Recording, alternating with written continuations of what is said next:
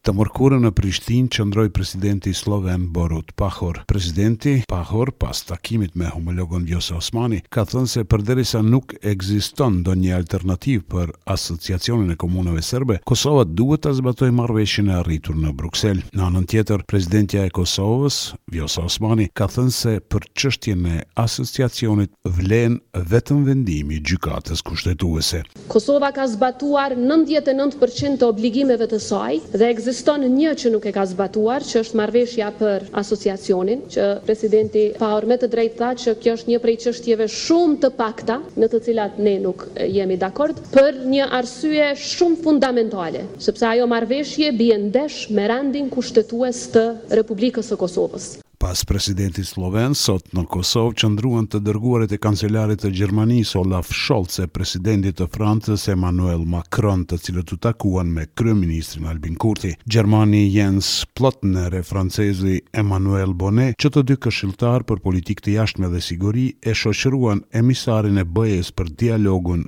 Miroslav Lajçak. Ani pse u ftuan për ta përcjellë ngjarjen, telashe me zyrtarët në ekzekutiv u doli gazetarëve. Nga ta u kërkua të largoheshin nga oborri i qeverisë. E detaje të takimit që zgjati mbi dy orë nuk pati shumë. Për këtë Lajçak dha një arsyetim.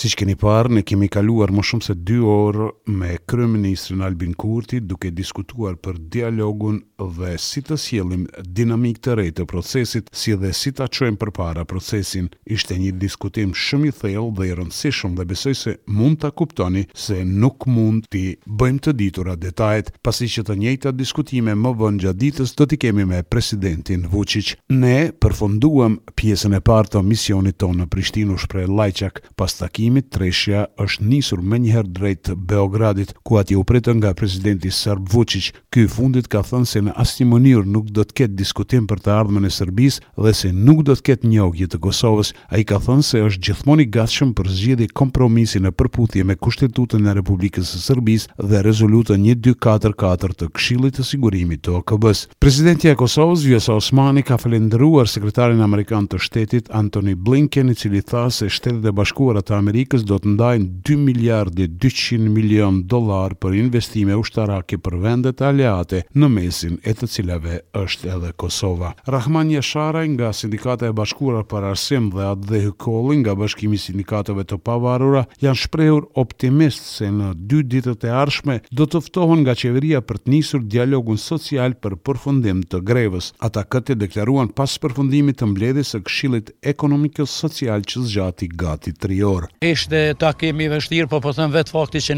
ky Këshilli Ekonomik nuk është takuar tani e katër muaj, kanë mbetë tema që janë grumbulluar dhe kishte edhe tema të tjera jashtë kërkesave tona, odat të vetat. Të tjerët, qeveria i tha se ka bërë shumë gjëra, kërkesa jonë është që ata të ulen gjatë shtunës dhe dielës. Kryetari i BSPK-së, Atdhe Hykolli, ka kërkuar që të ketë edhe një takim tjetër. Ai ka konfirmuar se ka sinjale nga të dy anët që mund të ecin përpara. Përpjekjet janë të dyanshme, po shpresoj se shumë shpejt ne do të dalim me lajme pozitive edhe do të vazhdojmë punën. Kemi sinjale nga të dy anët që mund të ecin përpara. Kryesia e LDK-së ka diskutuar për zhvillimet në vend, duke përfshirë situatën politike, rritjen e çmimeve, krizën energjetike e gjendjen në sektorin e arsimit dhe atë publik. Kryetari i LDK-së, Lumir Abdixhiku, duke folur për grevën në arsim, tha se kërkesat e mësimdhënësve janë plotësisht legjitime.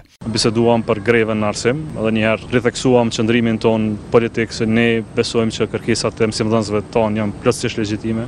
Në krizë të inflacionit rekord për Kosovën, ata meritojnë ngritje të pagave, por mbi gjitha kemi bërë ftesë të vazhdueshme ndaj Qeverisë së Kosovës që të ulet e dialogojë me ta, pra të flasë me ta. Nuk mund të komunikojë një qeveri në distancë me mësimdhënësit tanë. Me rastin e vdekjes së mbretëreshës Elizabeth, mesazhe ngushëllimi kanë dërguar presidentja Osmani e kryeministri Kurti, ndërkaq ambasadori i Britanisë së Madhe në Kosovë, Nicholas Abbott, pas këtyre mesazheve ka reaguar duke thënë se është shumë mirënjohës ndaj krerëve të shtetit për mesazhet ngushëlluese, por edhe për mesazhet e tjera dashamirëse. Kjo është dëshmi e respektit të thellë nga shumë njerëz këtu në Kosovë për përkushtimin e saj ndaj shërbimit publik dhe ndaj Mbretërisë së Bashkuar, është shprehur Abbott. Për Radion SBS, Mendu Hysa, Prishtinë.